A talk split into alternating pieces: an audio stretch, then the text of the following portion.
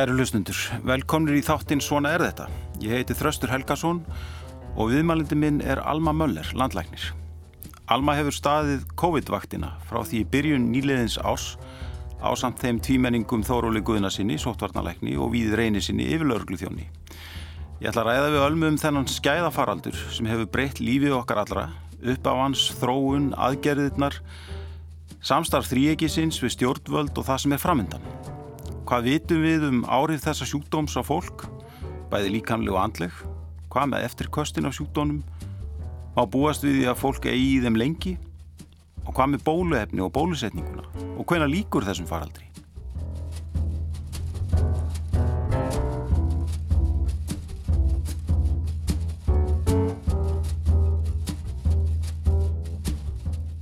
Alma, velkomin í þáttinn. Takk fyrir og gleðilegt ár. Sömu leiðis og takk fyrir að gefa þið tíma til þess að koma ég veit að það er nóg að gera hjá þér hvenar heyrðið þú fyrst af þessari veiru sem við nú kallum COVID-19?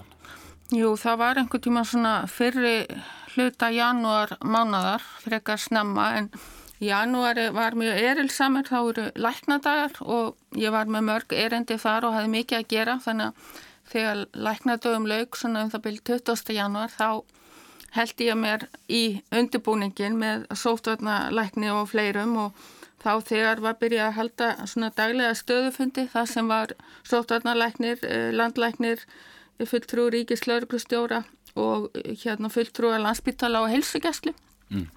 og þessir fundir heldur svo áfram bara fram á vor. Mm en eh, mig grunaði fljótlega eða maður sáu þetta hvað þetta var alvarlegt í Wuhan. Já. þar voru yfirfullar bráðmóttaukur og við sáum láti fólk á götum úti.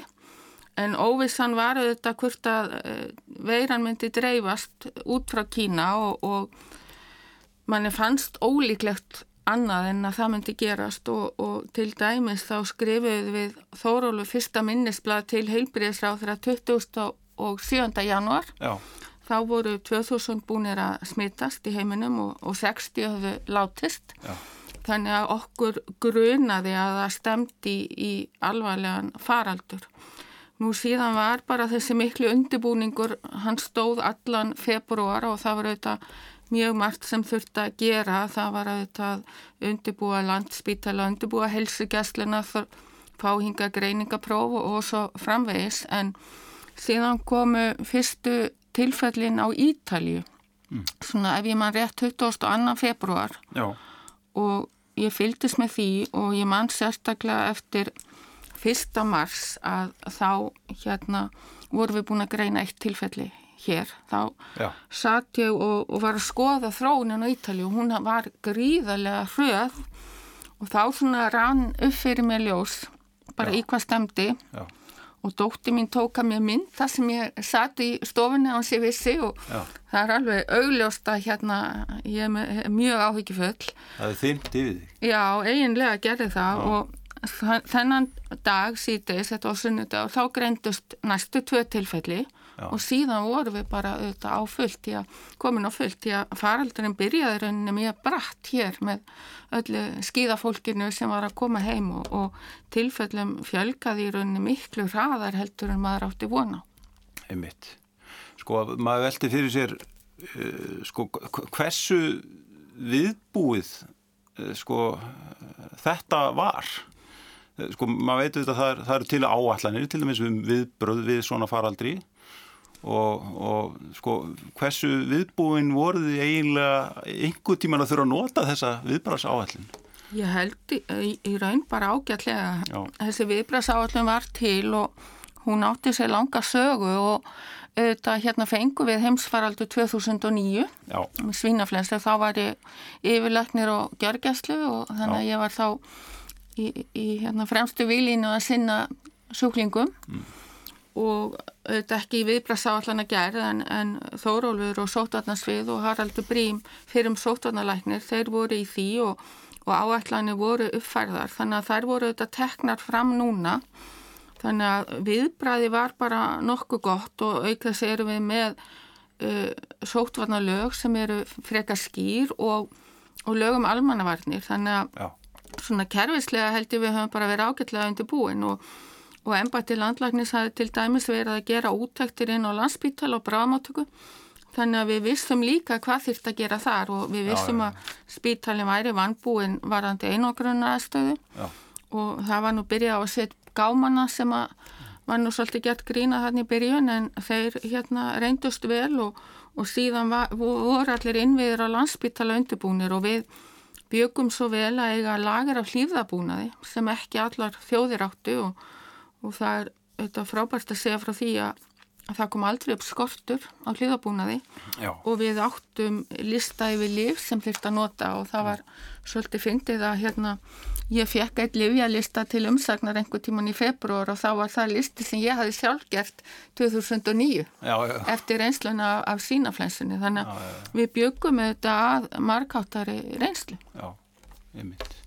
Sko bara svo, svo að hlustendur átti sig sko á bara hlutar ekki landlæknis í, í þessu, hvert er það beinlýnis?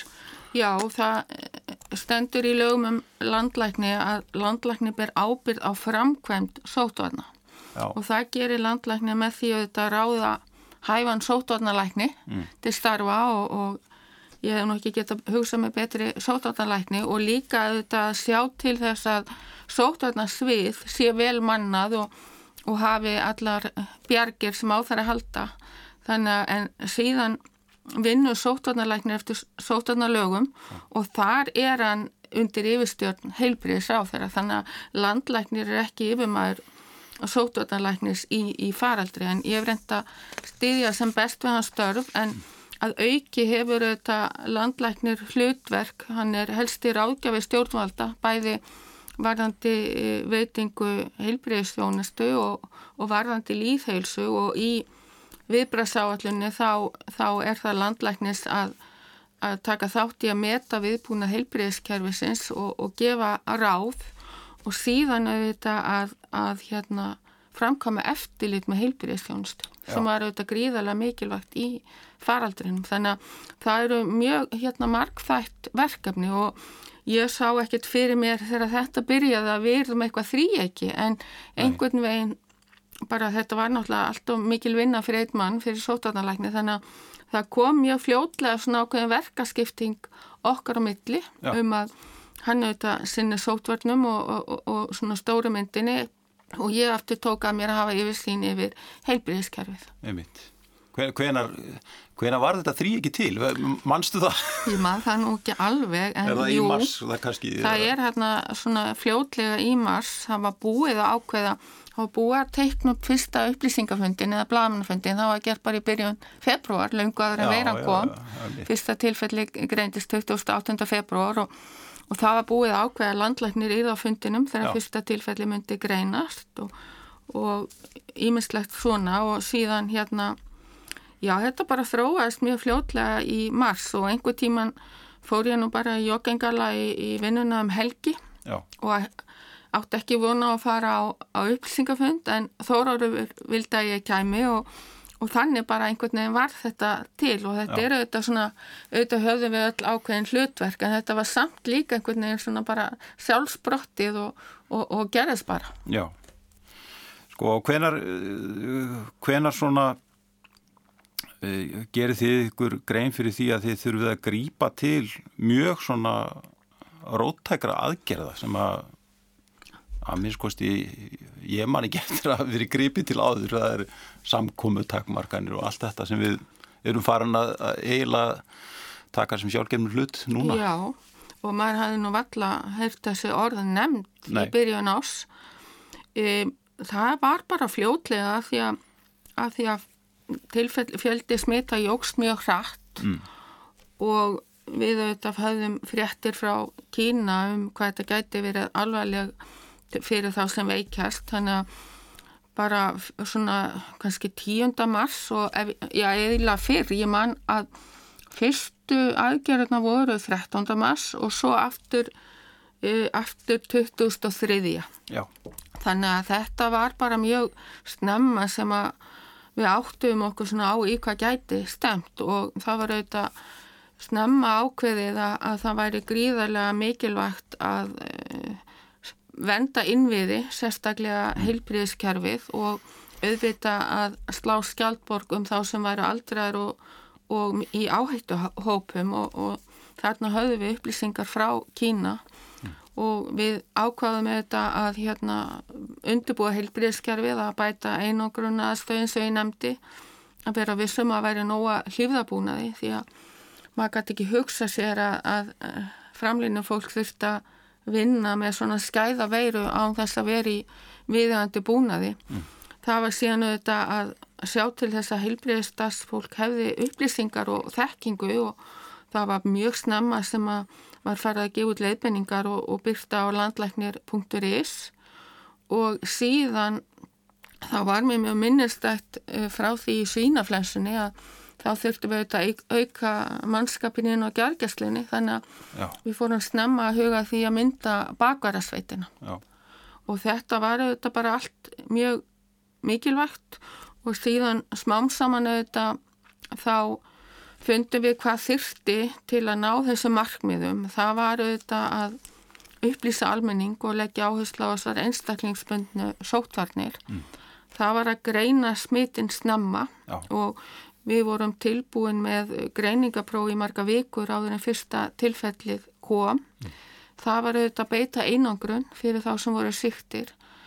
Það var eiginlega frá uh, degi eitt byrjað að rekja smitt mm. og setja fólki í sótkví og síðan þessar samfélagslegu aðgerið sem vorum að tala um að, að það, þeim fyrstu var beitt þarna 13. mars og, og síðan auðvitað byrjuð við í júni með skimun á landamörum þannig að þetta Þetta eru auðvitað mjög viðtakar aðgerðir en, en allar mjög mikilvægar til að halda veirunni í skefi. Já, sko, uh, sko samstarfið við stjórnvöld virðist hafa verið bara mjög gott alveg frá byrjun uh, en, en fór fram einhver, sko þegar þið leggið til þessar svona hörðu aðgerðir, uh, var einhver umræða þess að Var, voru ykkur andmæli semst innan úr svona úr pólitíkinni?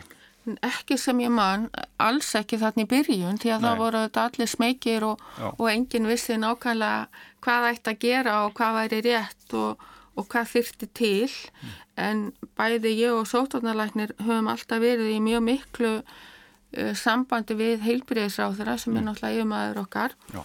og sérstaklega þórólur auðvitað í gegnum allan uh, faraldurinn og við fundum ekki annað, ef við aldrei fundum annað en góðan stöðning en auðvitað eftir því sem að faraldrinum hefur, sem hann hefur dreist á langin og það hefur orðið að fara að taka tillit til fleira aðgerða þá auðvitað hefur umræðan aukist sem von er. Og, og hérna við vildum auðvitað ekki setja einu uppi með ábyrð á öllum þessum aðgerðum. Nei. þannig að það hefur allan tíma verið skýrt að það er heilbríðisráð þar sem að tekur ákvarðanir varandi þessar ofenbæru sótvarnar aðgerðir að fengnum tilögum uh, sótvarnalæknis og mér vitanlega hefur hún tekið all, allar ákvarðanir að við þáðu samráði við ríkistjórnina þannig að mm. það er í rauninni ríkistjórnin sem stendur að baki öllum ákvarðanum. Einmitt. Eh, þú, þú ert mentuð út í Svíþjóð, ekki satt? Jú. Hver, hvert var, hver er sér, því, þitt sérsvið? Ég er sérfræðingur í, í svæfinga og gergæslu lækningum, svona í grunninn en, en líka í heilbriði stjórnum. Já, einmitt. Sko ég, ég er að spyrja vegna, eh, sko það þetta vakti gríðlega aðtegli að svíjar fóru aðra leið þarna í, í fyrsta hluta faraldur sinns Hvað hva viltu segja um, um þá vegferð alla? Já, þeir... Þú hefur vantilega fylst með, með já, fylst þessum ágrunum okkar? Já, ég fylst mjög vel með því sem hefur verið að gera í Svíþjóð. Ég horfi yðurlega á svenska fréttatíma á umræðu þætti. Um, við höfum alltaf sagt að við í rauninni gaggrínum ekki hvernig aðra þjóðir taka á málum. Mm. Hver og einn þjóð tekur þetta ákvarðanir út frá sínum lögum Uh, sínu skipulagi, menningu og svo framvegis. En það er alveg ljóst að svíjar gerðu ekki eins mikið í upphafi faraldus og, og þeir auðvitað fengu miklu erfiðari bylgu það létust miklu fleiri hjá þeim heldur en hjá hinnum Norðurlanda þjóðunum. En það er alveg augljóst að þeir eru að taka miklu harðar á málum núna síðastleinar vikur. Þannig að hérna það er bara mjög miseft hvernig þjóðir taka á en til dæmis höfum við fundað reglulega landlæknar Norðurlanda og sóttórnarlæknarnir auðvitað halda sína fundi og en hinn hin löndin hafa svona verið nokkuð samstíga, þetta er einhver blæbreiðamunur en til dæmis þegar þriðjabilgjan skalla okkur með þessum þunga þá var frekar rólegt yfir vatnum í Noregi, þá Já. hafði ég samband við kollega minn þar og held að þau var að gera eitthvað kannski öðruvís en við en, en það er, var mjög seipa, við vorum bara eins og undan með að, að fá þessa bilgi. Einmitt. Eh, það tókst hann á faraldrinum niður í vor og, og sumar og, og ekki bara hér, heldur við þar í heiminum og, og takmörkunum var létt að eh, stórum hluta og þar á meðal á landamærunum var það óvarlegt svona eftir á higgja? Með landamærin? Já. Ég held að við hefum nú alltaf sagt að það hefði aldrei verið hægt að halda veiruna algjörl úti því að hinga þarf að koma fólk til, til starfa við nöðsynlega innviði og svo framvegis.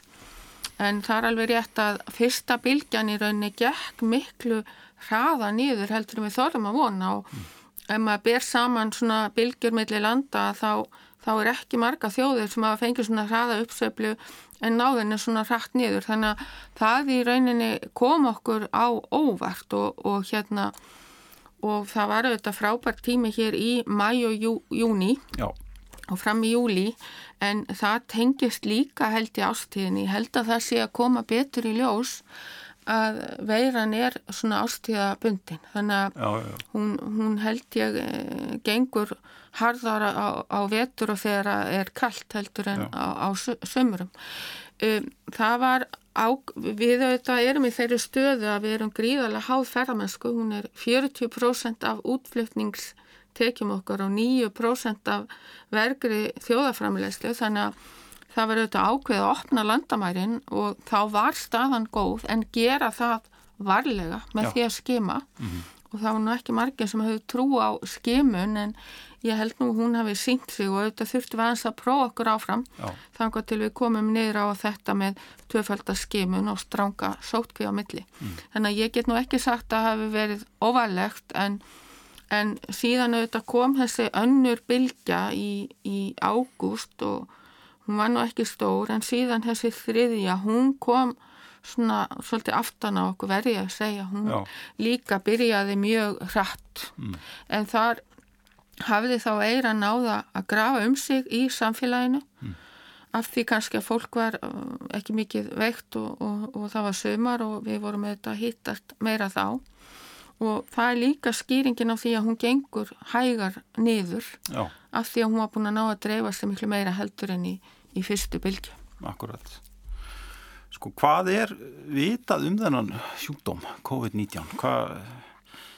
Hver, hver eru árið þessar veiru? Hva, hvað vitið þið núna um, um, um þessa veiru? Já, við vitum auðvitað svona skamtíma áhrifin að sem betur fer þá flestir sem fá veirun í sig veikjast lítið eða Já. eru jáfnveil engjörna lausir mm.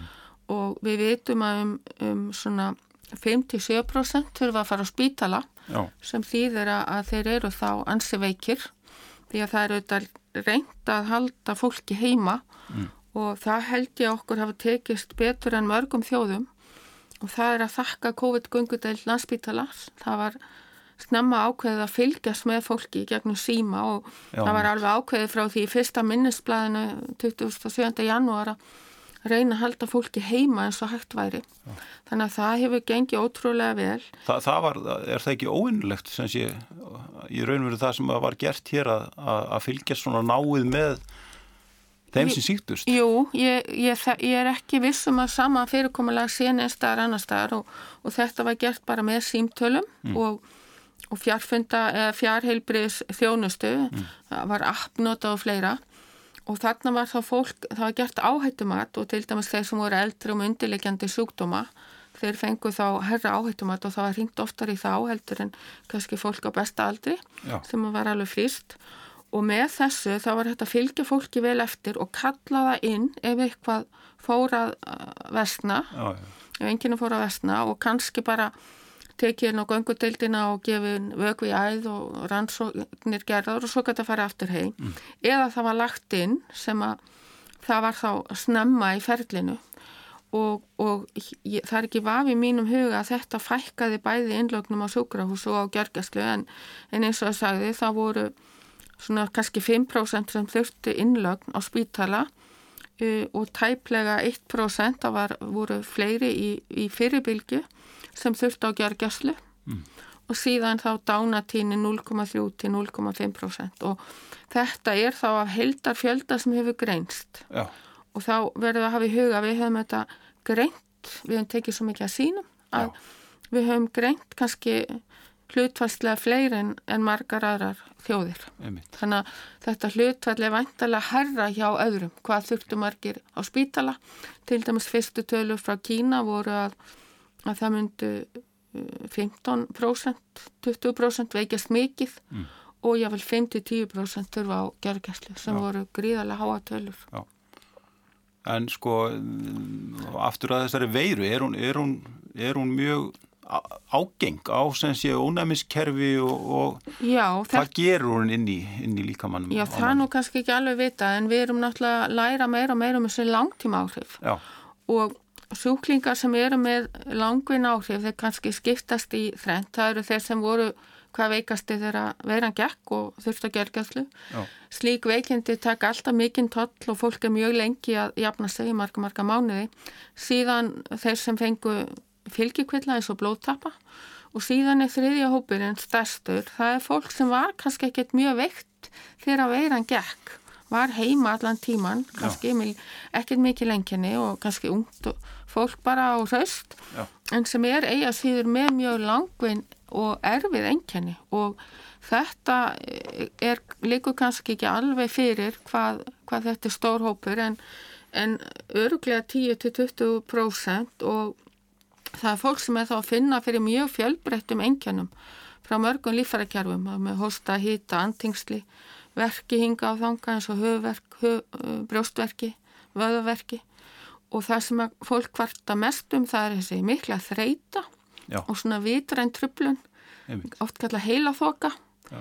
Það minnistap, jáfnvel. og- minnustap, þunglindi, kvíði Já, en mikið ábyrjandi þessi svona gríðarlega þreita eftir árenslu, jável eftir min- minni hátar árenslu og þeir sem sáu myndband með ástísi hjálmstóttur, þá var hann þessi sterka íþróttakona að lýsa því að það að fara á salerni sem var í 5 metra fjalla, það var bara meira hátar áskorun eða styrtu já, og þetta er eitthvað sem að hérna við eigum eftir bara að vita en lang, uh, fá þekkingum hvernig þróist. En flesti ná sér á einhverjum vikum eða mánuðum en sömur geta þurft uh, bara meðferð á endurhefingastofnun Mm. sömur eru eru óvinnufærir. Þannig að þetta eigum við eftir að læra betur um og þú spyrðir hvað gerist inn í líkamannum það Já. er nú kannski ekki vitað en við vitum að veiran fer víða, það eru viðtæki fyrir hana víða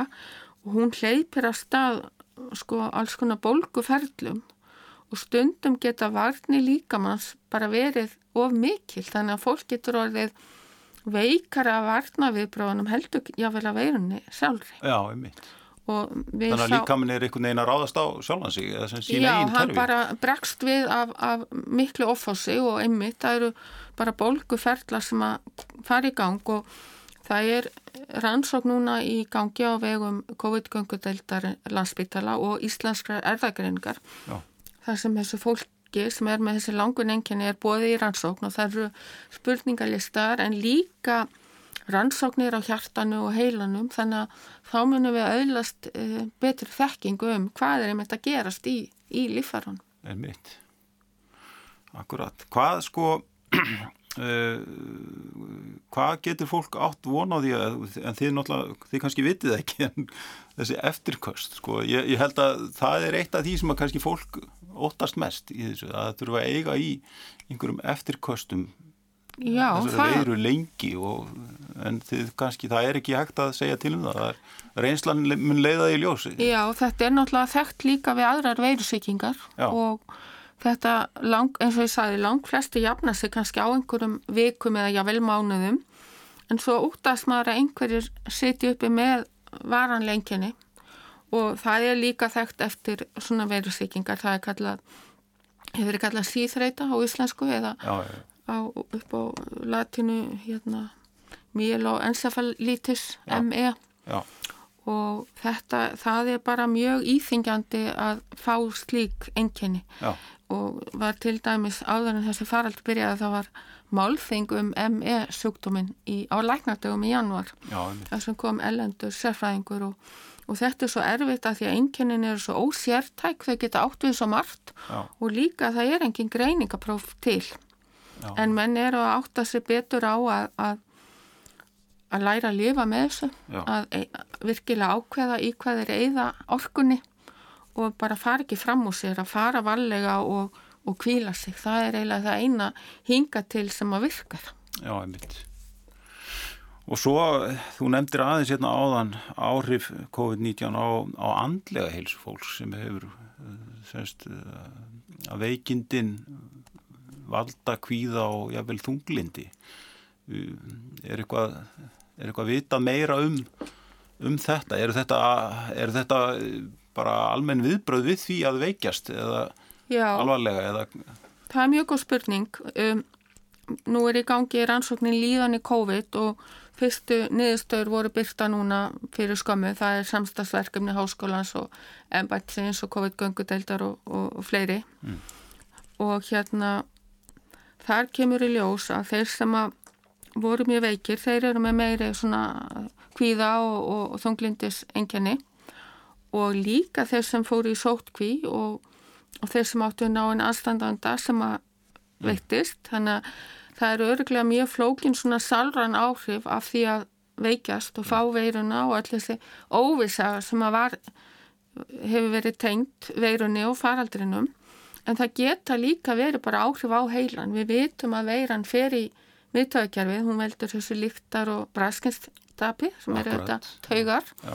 en líka þessi, þessi bóðefni og þessi bólguferðlar, þeir geta líka haft áhrif á heilan. Þannig að þetta er bara mjög marg slungin áhrif, en síðan höfum við líka auðvitað haft áhyggjur af því að sóttvarnar aðgerðnar sem slíkar geti haft áhrif á heilsu fólk því að við þetta fólk komst ekki til sinna verka og var einangrað og náði ekki að reyfa sig og svo framvegis. Þannig að við höfum líka haft áhyggjur á því og, og maður getur alveg hugsa sér að faraldun hafi eh, áhrif bæði beint og óbeint og að sumt kannski sum áhrifin kom ekki fram fyrir síðar og, og ég var nú svona að reyna að lista upp hver þessi áhrif gætu verið og það er þá verið heilsu hegðun að, að við reyfum okkur minna og, og kannski borðum við verð þegar við vorum heima í, í hérna, aðgjörunum í, í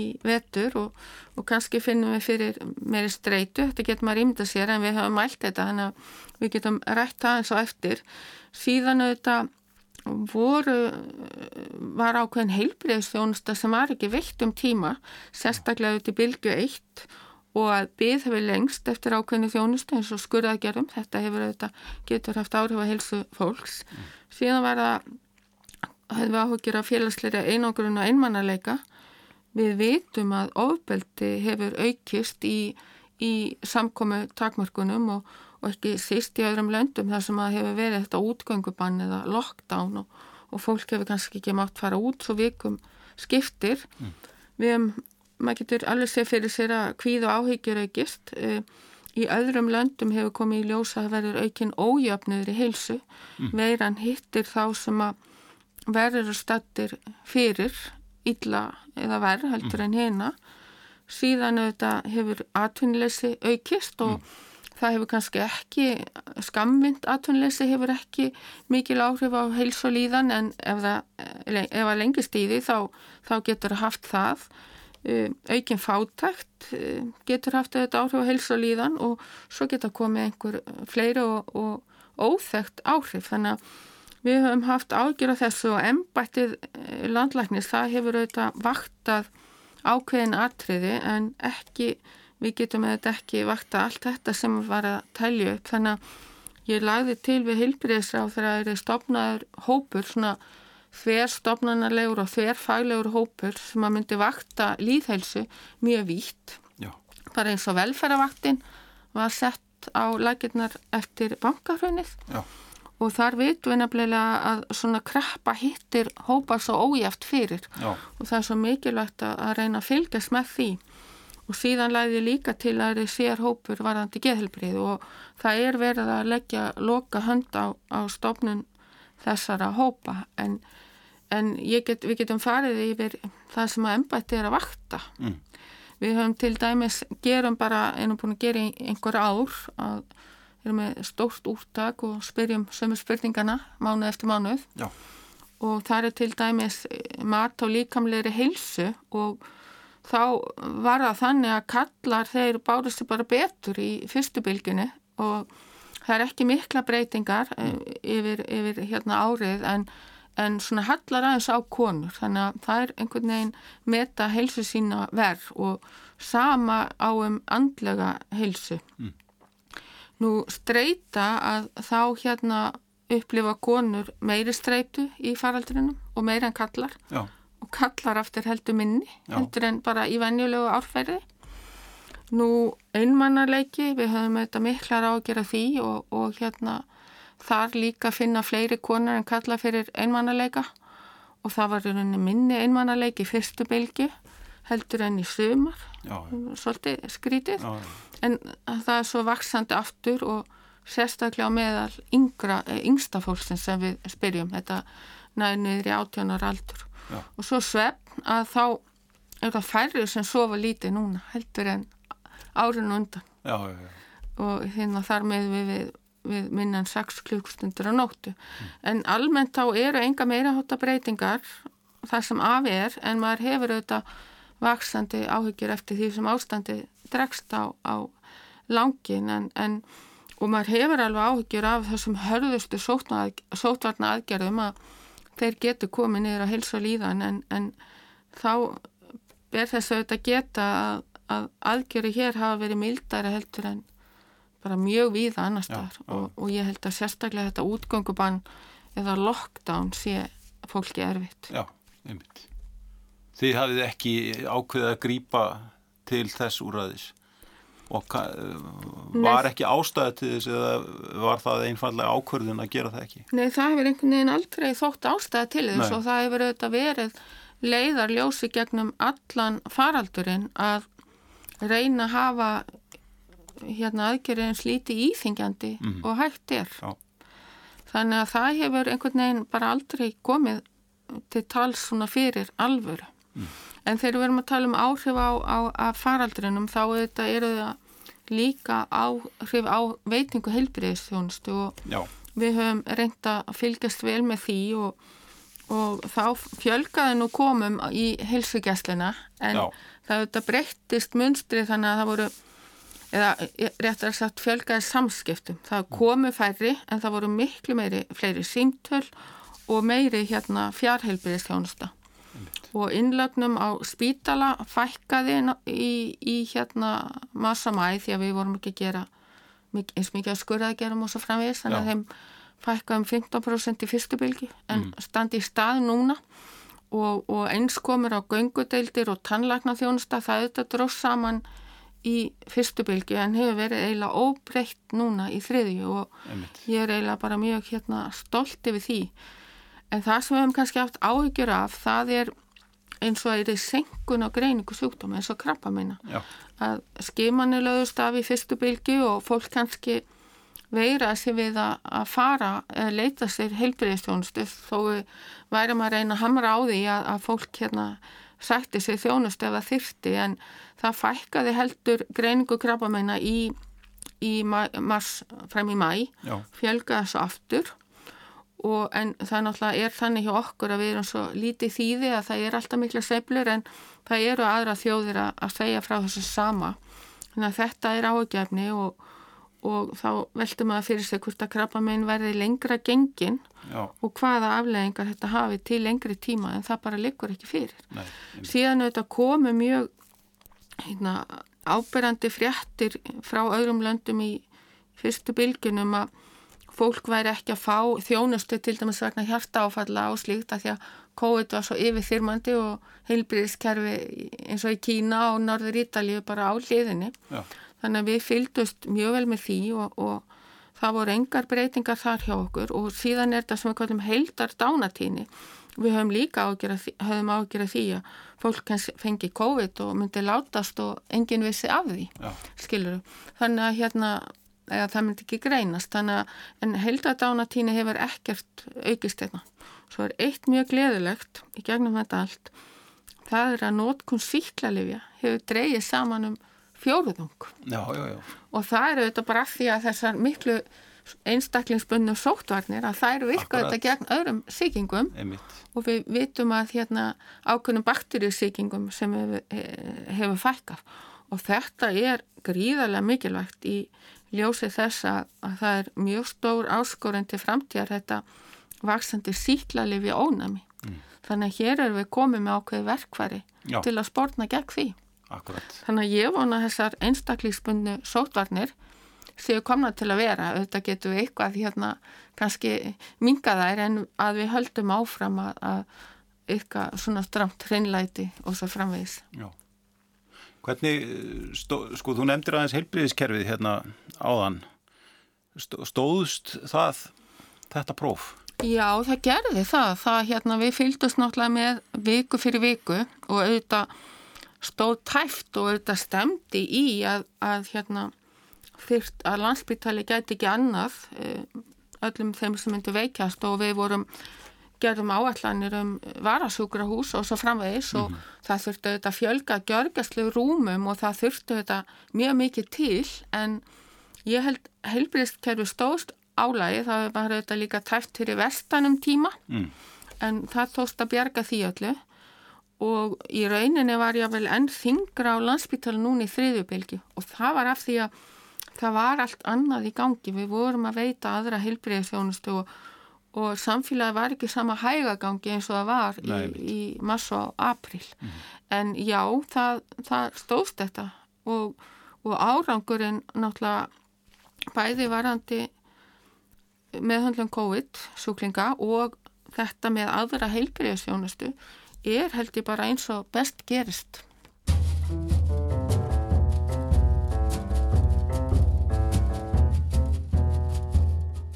Kæru hlustundur, ég heiti Þraustur Helgason og þið eruð að hlusta á þáttinn Svona er þetta.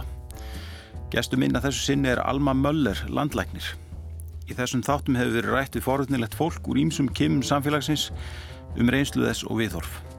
Finnur Úlf Delsen, dósent í heimspeiki við Háskóla Íslands, rætti um vísindi á tímum COVID-19 faraldursins. Hægt er að hlusta á að svona er þetta í spilara rúf og í öllum helstu hlaðvarps veitum. Það sem gerist núna þess, þessu ári er einhvern veginn að vísindin komið fram á, á sjónarsviði og voru bara í sífælt í fjölmiðlum og til umræðu og, og það voru mikla væntingar gerðar auðvitað til vísinda og sífælt verið að ræða við vísindamenn þannig að, þannig að það er svona kannski stóra sem að mér finnst að hafa gæst á þessu ári að við erum alltaf í hennu komin svona nálagt þeim uh, já, flest sem við vorum kannski ekki áður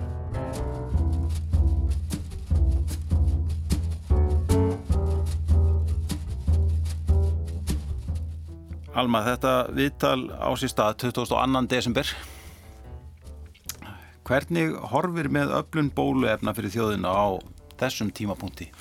Já, nú er það á, á borði sótvarnalæknis og heilbriðisráðunitis og það er þetta heilbriðisráðunitis sem hefur forgangu um að, að afla bóluefna og, og gera um það samninga. Þannig að ég er svo sem ekki, ekki djúft inn í því en, en, en þau hafa sagt að það er þegar búið að tryggja bóluefni sem dögar fyrir 87% þjóðarinnar í gegnum samstarf Evrópu þjóða og það er búið að gera samninga við að ég held uh, sex uh, bólefnaframlegendur það var auðvitað ekki vitað hvaða, hverjir eru fyrstir og, og hvaða bólefni eru best og, og það var álitið skinsamlegt að vera ekki með öll eginn í sömu körfinni og nú hillir í það að það komi hingað uh, bóluefni frá Pfizer. Mm. og við hefum vonað því bara núna eftir viku og það er þegar búið að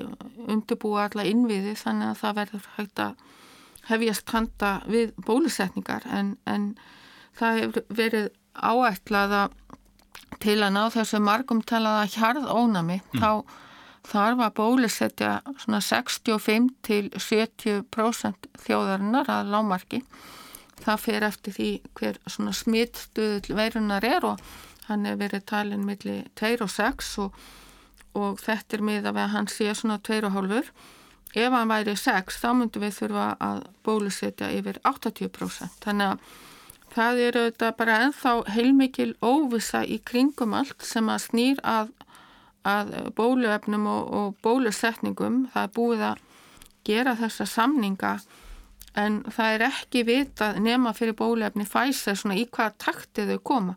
Hvort þau verða að koma bara í smá skömmtum yfir lengra tímabili eða, eða koma í starri skömmtum, það líkur bara ekki fyrir en þá mm. Ef að bólusetning gengur bara eh, eins og vel og hún geti gengið hvenar má búast við því að, að, að hérna hjarð ónæmi verði náð? Já, það er bara þegar búið er að bólusetja nú marga og, og það er algjörlega bara háð því hvernig hérna bólefnin berast, ég held að það mun ekki standa á innvöðunum, heilsugjastlan mun sjá um bólusetningar og, og þar hefur allur nöðsilegur undirbúningu farið fram, þannig að ég hugsa að vera ekkit högt þar en auðvitað geta komið upp einhver vandamáli í framlegslu og, og flutningi og annað, þannig að Við vitum að, að Pfizer er verið búið að skila bólefni fyrir að ég held tæplega 30.000 manns í lokumars en, en eins og ég segi ekki vitað um önnu bólefni þannig að ég myndi nú halda að þetta tæki nú alveg hálft ár hefur minsta Já. og jáfnveil eitthvað fram, eitthvað lengra fram á, á næsta ár Nei. og þetta höfum við eiginlega bara sagt frá því í massa-april að við heldum að faraldurinn yrði svona út til lungan á næsta ári en vonandi eftir því sem að bólusetningum vindur fram verður þá eitthvað hægt að létta á aðgerðum, kannski ekki alveg hægt að hætta þeim en vonandi hægt að slaka á einhverju. Já, einmitt. Sko, það tók ótrúlega stuttan tíma að þróa þetta bóluefni og hérna uh, en fólk auðvitað velti fyrir sig eftir að treysta þeim? Hvað hva, hva viltu segja við fólk um það? Ég treysti þeim Já. og þetta með hraðan það er af því að það hefur aldrei fyrir sögunni svona margir hjálpast að. Nei, það var náttúrulega svo ótrúlega mikið í húfi. Það er eh, bara heimurinn allur og efnaðskerfi heimsins það eru náttúrulega öll löndi í sömu spórunum hvað hvað var það áhrif á efnaðarslíf og bara daglegt líf. Þannig að það var mjög fljótt sem að var bara vísindamenn ákváðu það að vinna saman og fyrirtæki og deila upplýsingum jafn harðan og almennt held ég að styrst hafi tekið fjögur ár að þróa bóluefni og þannig að það er náttúrulega verið að slá með en ástæða þess að samþýttaferli gengur hraðar er svo að, að þeir sem eiga samþykja bólefni eins og Lífjastofnun Evrópu og stofnanir í bandaríkjunum, þeir hafa fengið niðurstöðuna jafn harðan áður fyrir þá fenguðu bara allt í einum pakka þegar allt var búið þannig já, að já. þau hafa geta svona unnið samhliða mm. uh, prófunum þannig að og þess að prófanir auðvitað þeirra bólefna sem lengst eru komin og byrja að nota það, er, það hafa verið gerðar mjög stóra rannsóknir, mm. týjir þúsunda sem er í rauninni stærri rannsóknir en, en kannski áður hafa verið gerðar mm. og það eru auðvitað þessar skamtíma, þessar skamtíma aukaverkanir eins og bólka og, á stungustad og eitthvað sleni eins og maður sé með smá flensu og, og, en það er ekki vitað um alvarlega aukaverkanir en mm áhyggjafni eru auðvitað alltaf um, langvinnar aukaverkanir en það bara kemur ekkert í ljós og það er ekkert komið í ljós ennþá. Þannig að ég ætla ekki að hika við að, að láta bólusveita mig því að ég tel að áminningurinn af henni er miklu meiri heldur en áhættan. Mm. og við erum auðvitað búin að vera að telja hér upp afleðingar þess að fá COVID-19 bæði til lengri og skemmri tíma. Að þá finnst mér það ekki spurning að, að sem einstaklingur þá vil ég fá bóluefni frekar. Já. en það er líka þessi samfélagslega skilda að láta bólusetja sig þegar við sjáum áhrif COVID faraldusins á, eins og ég saði á þann, á efnahag og daglegt líf. Og það er engin leið önnur en að ná þessu hjarðónami með bólusetningu og þannig ná stjórn á faraldrinum og það var auðvitað umræða í byrjun, ég hef nú ekki hýrt hana lengi um að ná hjarðónami bara með því að láta veiruna hafa sinn gang. Akkurat. Það var 1% landsmanna sem fjekk veiruna í fyrstu bylgu. Já, Þannig að markvaldaði það með 60 Já. til að, eða 70. Já. Þannig að það er eiginlega, það er, var, he, mér hefur aldrei þótt að bara koma til greina. nei, einmitt. En sko, það er auðvitað hægt á því eða ekki að það komi ný afbríði af þessari veiru eða ekki sem að hugsanlega þá þetta, þessi bólefni sem við erum að þróa núna ná ekki yfir eða hvað. Já, það er öruglega hægt á því, það veirur bara, eru þess eðlis að þær er alltaf að stökkbreytast og bæði influensu veira og þessi og, og það eru þetta uppi ákveðnar áhyggju núna af þessu nýja afbreyði í Breitlandi og sem að hefur breyst til annara landa en, en það, er, það er ekki mikið um það vitað en, en það er þó vitað að það eru uh, ofinni marga stökkbreytingar í þessum samyndum sem að bóluefni á að virka gegn. Þannig að nú eru breytar þá að fylgjast sérstaklega vel með af því að þeir eru þetta byrjar að bólusetja hvort að bólefnin eh, veit ekki örglega vernd, vernd gegn þessu afbríði. Mm.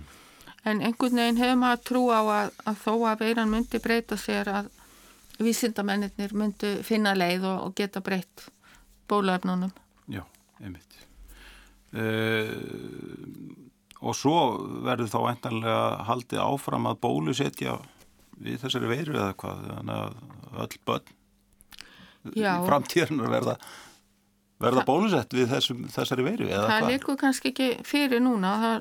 Eina eh, sem er gott við þessa veiru er að hún hlýfir börnunum og, og hérna þau bæði veikjast minna, þau smita síður frá sér og, og hérna þannig að það er gott en en er hún komin til að vera, vera vitu við það eða? Nei, við veitum það ekki en, en sumir halda að svo sé þannig að Já. þá er þau þetta er þú kannski alltaf að skjóta eitthvað upp kollinum þó er ekki svona miklu faraldrar eða, eða stór hópsmitt og, og að það þyrfti kannski að vera bólusetja og eins vitum við ekkit nákvæmlega hvað bólefnin koma til með að veita vörn lengi Nei, þannig að þetta bara allt eftir að koma í ljós þannig að ég held sé veira í eftir að halda okkur við efnið í einhver ár til allavega. já.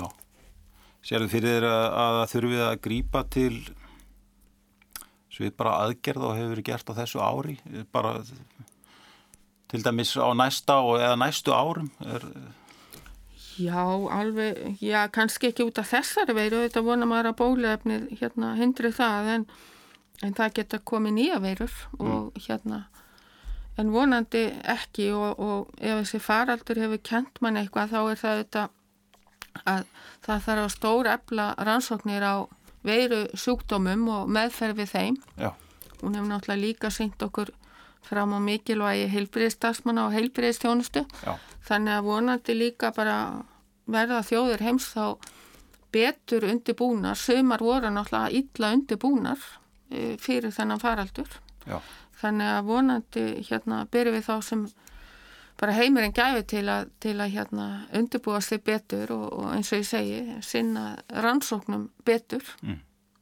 einmitt. Svona að lokum hvað uh, líklega verða nú dregni margi lærdómar af þessum faraldri og sjálfsagt hefur vísindunum fleikt fram eða ekki á, á, á þessu, þessu ári. Uh, ég sá fréttin daginn, daginn þar sem verður að tala um það að þessi þessi þra- hraða þróun á nýju bóluefni gæti jáfnvel orðið til þess að það væri hægt að, að kæfa svona faraldra í, í, í fæðingu eða hvað. Já, það, það, maður getur alveg hugsað sér það að hérna, það eru auðvitað núna orðin til mikil þekking á, á gerð bólefna og nýra bólefna þannig að mm. kannski gengur þetta ennþá hraðar næst. Já. Það er eitt lærdómu, það er að lifja fyrirtæki og stopnarnir vinni ennþá betur saman. Ég var búin að nefna þetta með, með mikilvægi sótvarna, með mikilvægi heilbriðstafsmanna. Síðan þessi rísa áskorun sem eru lofslagsbreytingar. Já við erum búin að læra það við þurfum ekki alltaf að vera að ferast til útlanda og fundi og annað slíkt þannig að vonandi draugum við líka lærdom inn í, inn í, í það mikla vandamál þannig að Já. ég held að bara sé mjög margt sem við erum eftir að læra og síðan áauðvitað bara eftir að gera upp faraldurinn bara hvernig tókst þjóðum til til dæmis miða við aðgerðu hvaða aðgerðu voru mikilvægastar og svo framvegist þannig að Þetta á eftir að verða efni í endalösar dottorsritgerðir og meistararritgerðir og alls konar rannsóknir þessi faraldur. Ég minna við erum enn að tala um spænsku veikinni í dag. Já, akkurat. Hundra árum síðar. Já. Það var mjög gaman að fá því í þáttinn, Alma. Takk kærlega fyrir að gefa þið tíma til þess að koma.